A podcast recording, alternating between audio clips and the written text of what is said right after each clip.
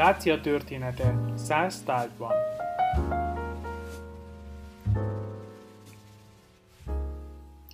Aki Rómában jár, szinte nem kerülheti el a római birodalom egyik legszebb, legékesebb alkotását, Marcus Aurelius aranyozott bronzszobrát, amely ma a Kapitolini Múzeum belsejében annak egyik legértékesebb tárgyaként tekinthető meg, másolata pedig a Kapitolumi dombon található, ott, ahol a 15-16. században elhelyezték. A szobor eredeti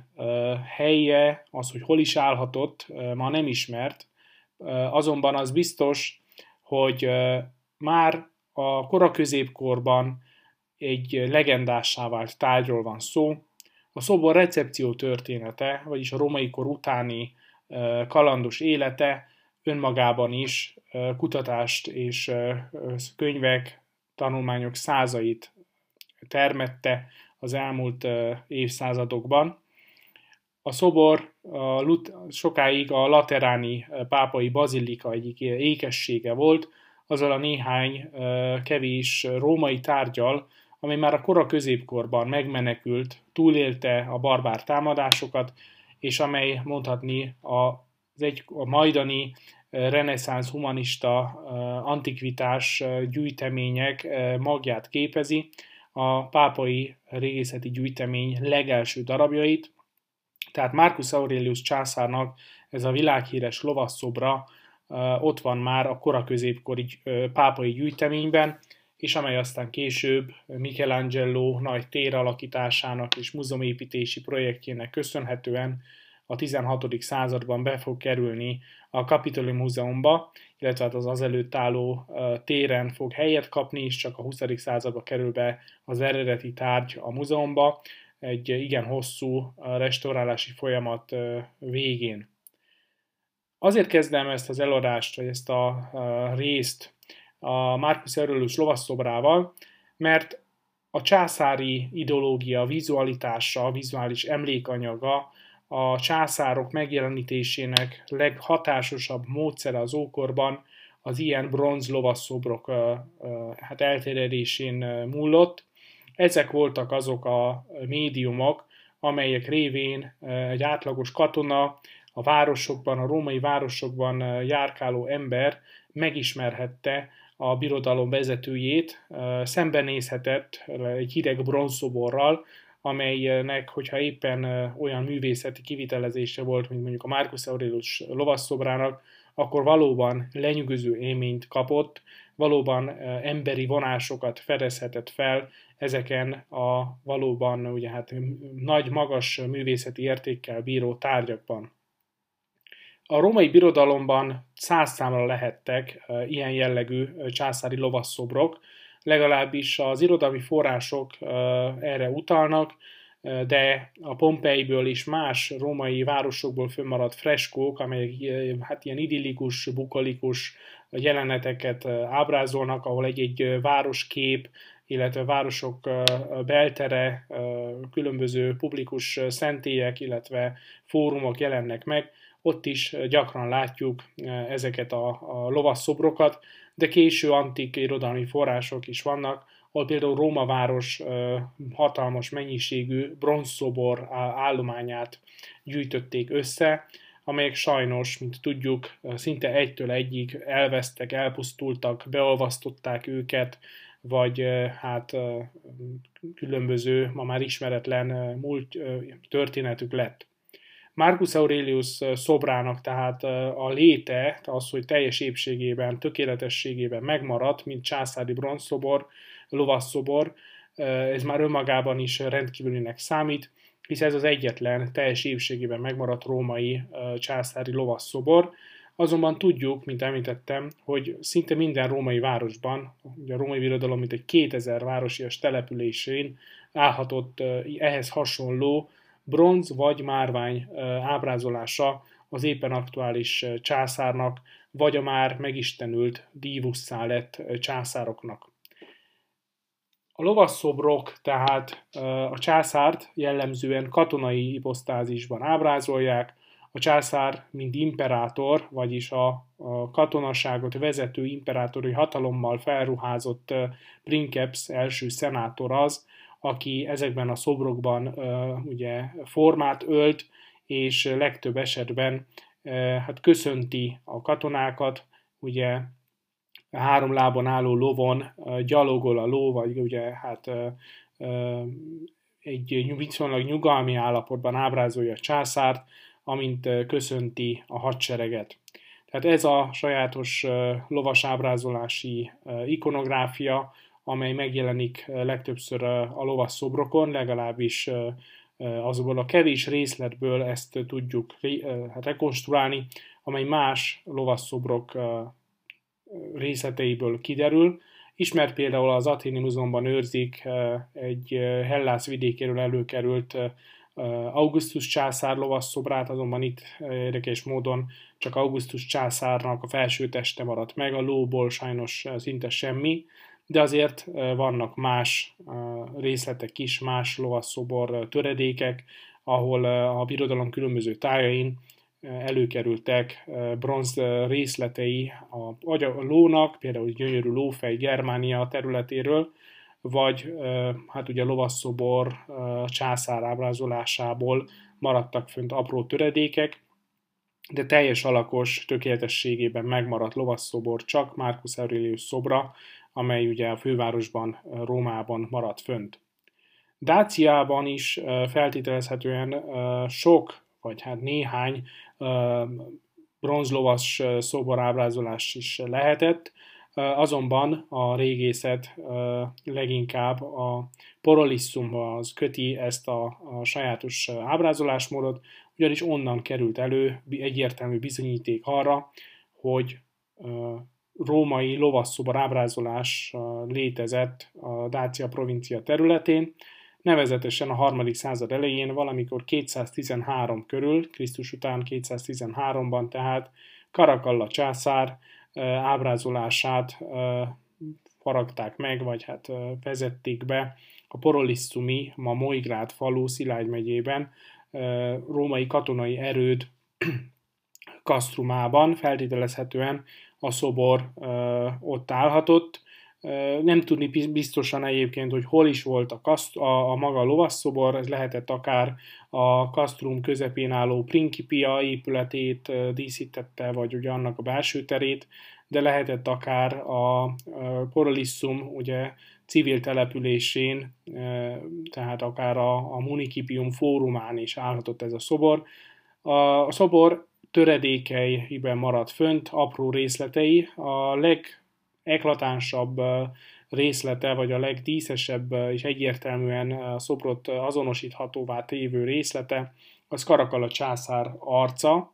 Ez ugye nagyon sajátos ikonográfia, a császár portrék művészet történetében nagyon könnyű, hát főleg ugye a Severus dinasztia tagjait azonosítani, Karakalla morcos marcona arcvonásai, homlok ráncai, apró bajsza az, és egy göndör fürtjei azok, amelyek egyértelmű jegyeit adják ennek a császárnak, aki, mint tudjuk, új szíriai, mint észak-afrikai felmenőkkel is rendelkezik, tehát igen, egzotikus etnikai és kulturális háttérrel jön vagy kerül hatalomra, és hát tudjuk azt is, hogy mint ugye Septimius Severus fia, hát azért nem volt egy könnyű élete, egyrészt ugye az apja sajátos katonai élete, állandó mozgása, veszélye, amely az a Severus dinasztia hatalomra jutását jellemezte, illetve hát a mögött álló domináns anya, Julia Domna személyisége meghatározta Karakala életét, ugyanúgy, ahogy Geta, az ő testvérének a meggyilkolása is Karakala lelkén száradt, amely hát az ókori szerzők szerint rémálmokat és egy nagyon rejtélyes betegséget is okozott neki. Mindenesetre magának a betegségnek a pontos lezajlása, vagy egyáltalán sajátossága ma is vitatárgyát képezi. Azonban ennek a betegségnek a lezajlását követően Karakala császár meglátogatja a Dunai provinciákat, leginkább a Duna mentén, és hát egyesek szerint Dáciába is ekkor jut el, tehát valamikor 213 körül történik ez az utazás. Parolisszum sajátossága, szinte egyedülálló módon Dáciában, hogy nyolc olyan felirat is ismert, amely nagyjából Karakalla császár idejére datálható, legalábbis a Septimius Severus utáni időszakra, és hát ez azzal magyarázzák, hogy ez, úgy villik, hogy ez annak lehet bizonyítéka, hogy Karakala császár valóban meglátogatta Porolissum segítcsapat táborát, illetve hát az ott állomásozó hadsereget, és, és hát ennek a látogatásnak az emlékanyaga, az emlékanyagához tartozhat ez a gyönyörű bronz császári lovasszobor is, amelyet valamikor 1949 környékén hát fedeznek fel, bár a felfedezés története az igen bonyodalmas, igen problematikus, több részletben találnak rá a szobor apró, apró részleteire. Már valószínűleg, hogy a két világháború között, vagy az második világháború idején zajló magyar, magyar ásatások következményeképpen is megtalálják a szobornak különböző apró részleteit, például a, a lovasszobor lábfejét, amely pontosan az a lábfej maradt fönt, amely ugye lépked, tehát a szobornak, a lónak a, a fölemelt lábfejét, illetve különböző apró részleteit a ló farkának, például a, a gyönyörű, gyönyörűen kifaragott részletét, valamint a sörény különböző részleteit, illetve aztán 1949-ben, tehát néhány évvel később megtalálják Karakala császár arcát is, és hát ez tette egyértelművé az egyébként már azelőtt is hát gyanúsá vált, vagy hát feltételezett azonosítását a szobornak, hogy ez valóban Karakalla császárt ábrázolja. A császár Karakalla hasonló napjához, tehát igen hű maradt a Dunai provinciák a hadseregéhez, jó viszonyt ápolt a hadsereggel, legalábbis próbálta föntartani ezt, ugyanis rájött arra, hogy az ekkor már válságba került birodalom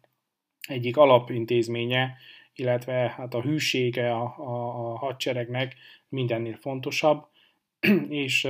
valószínűleg ez az egyik oka annak, hogy egy igen agresszív, látványos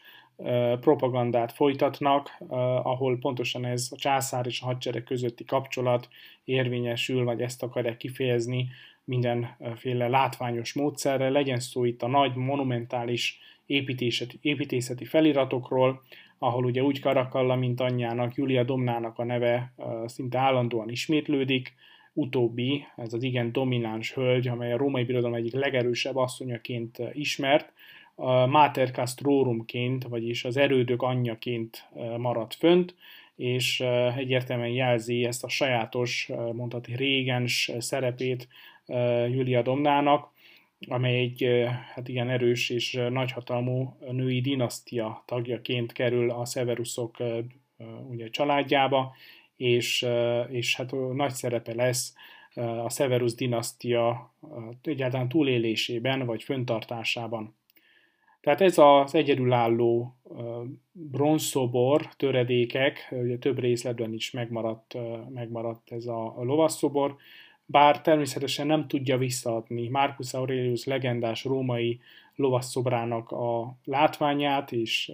hát gyönyörét, gyönyörűségét, azonban az az apró néhány részlet, amely úgy a ló, mint, mint Marcus mint Karakala császár vonásait és részleteit megőrizte, azért utal arra, vagy hát valamilyen szinten megmutatja azt, hogy ez egy minőségi, magas szinten, valószínűleg császári műhelyben készülhetett lovasszobor ábrázolás, tehát nem egy helyi dáciai munka, nem tudni persze pontosan, hogy, hogy hol készülhetett a szobor, hogyan szállították és mikor szállították ugye Porolisszumba, de eddigi tudomásunk szerint ez az egyetlen Dácia területéről előkerült császári lovasszobor. Más császári ábrázolások is ismertek, császár fejek, például Decius császárnak a, a, ugyancsak aranyozott bronzból készült feje ismert Szárviszegetúzáról, de apró részletekben fönnmaradt több bronz szobor ábrázolás is Apulumból, azonban ezek pontos azonosítása a nagyon ugye, apró részlet miatt nem lehetséges. Moigrád viszont ugye Porolisztum erődje igen büszke lehetett már az ókorban is arra, hogy egy nagyméretű császári lovasszobor állt a ugye, Dácia provincia legészakibb csücskén, és onnan tekintett le ugye a Barbarikumra, amely hát Mojgrád falu, a mai Mojgrád falu lejtőin már nagy veszélyeket rejtett Dácia számára.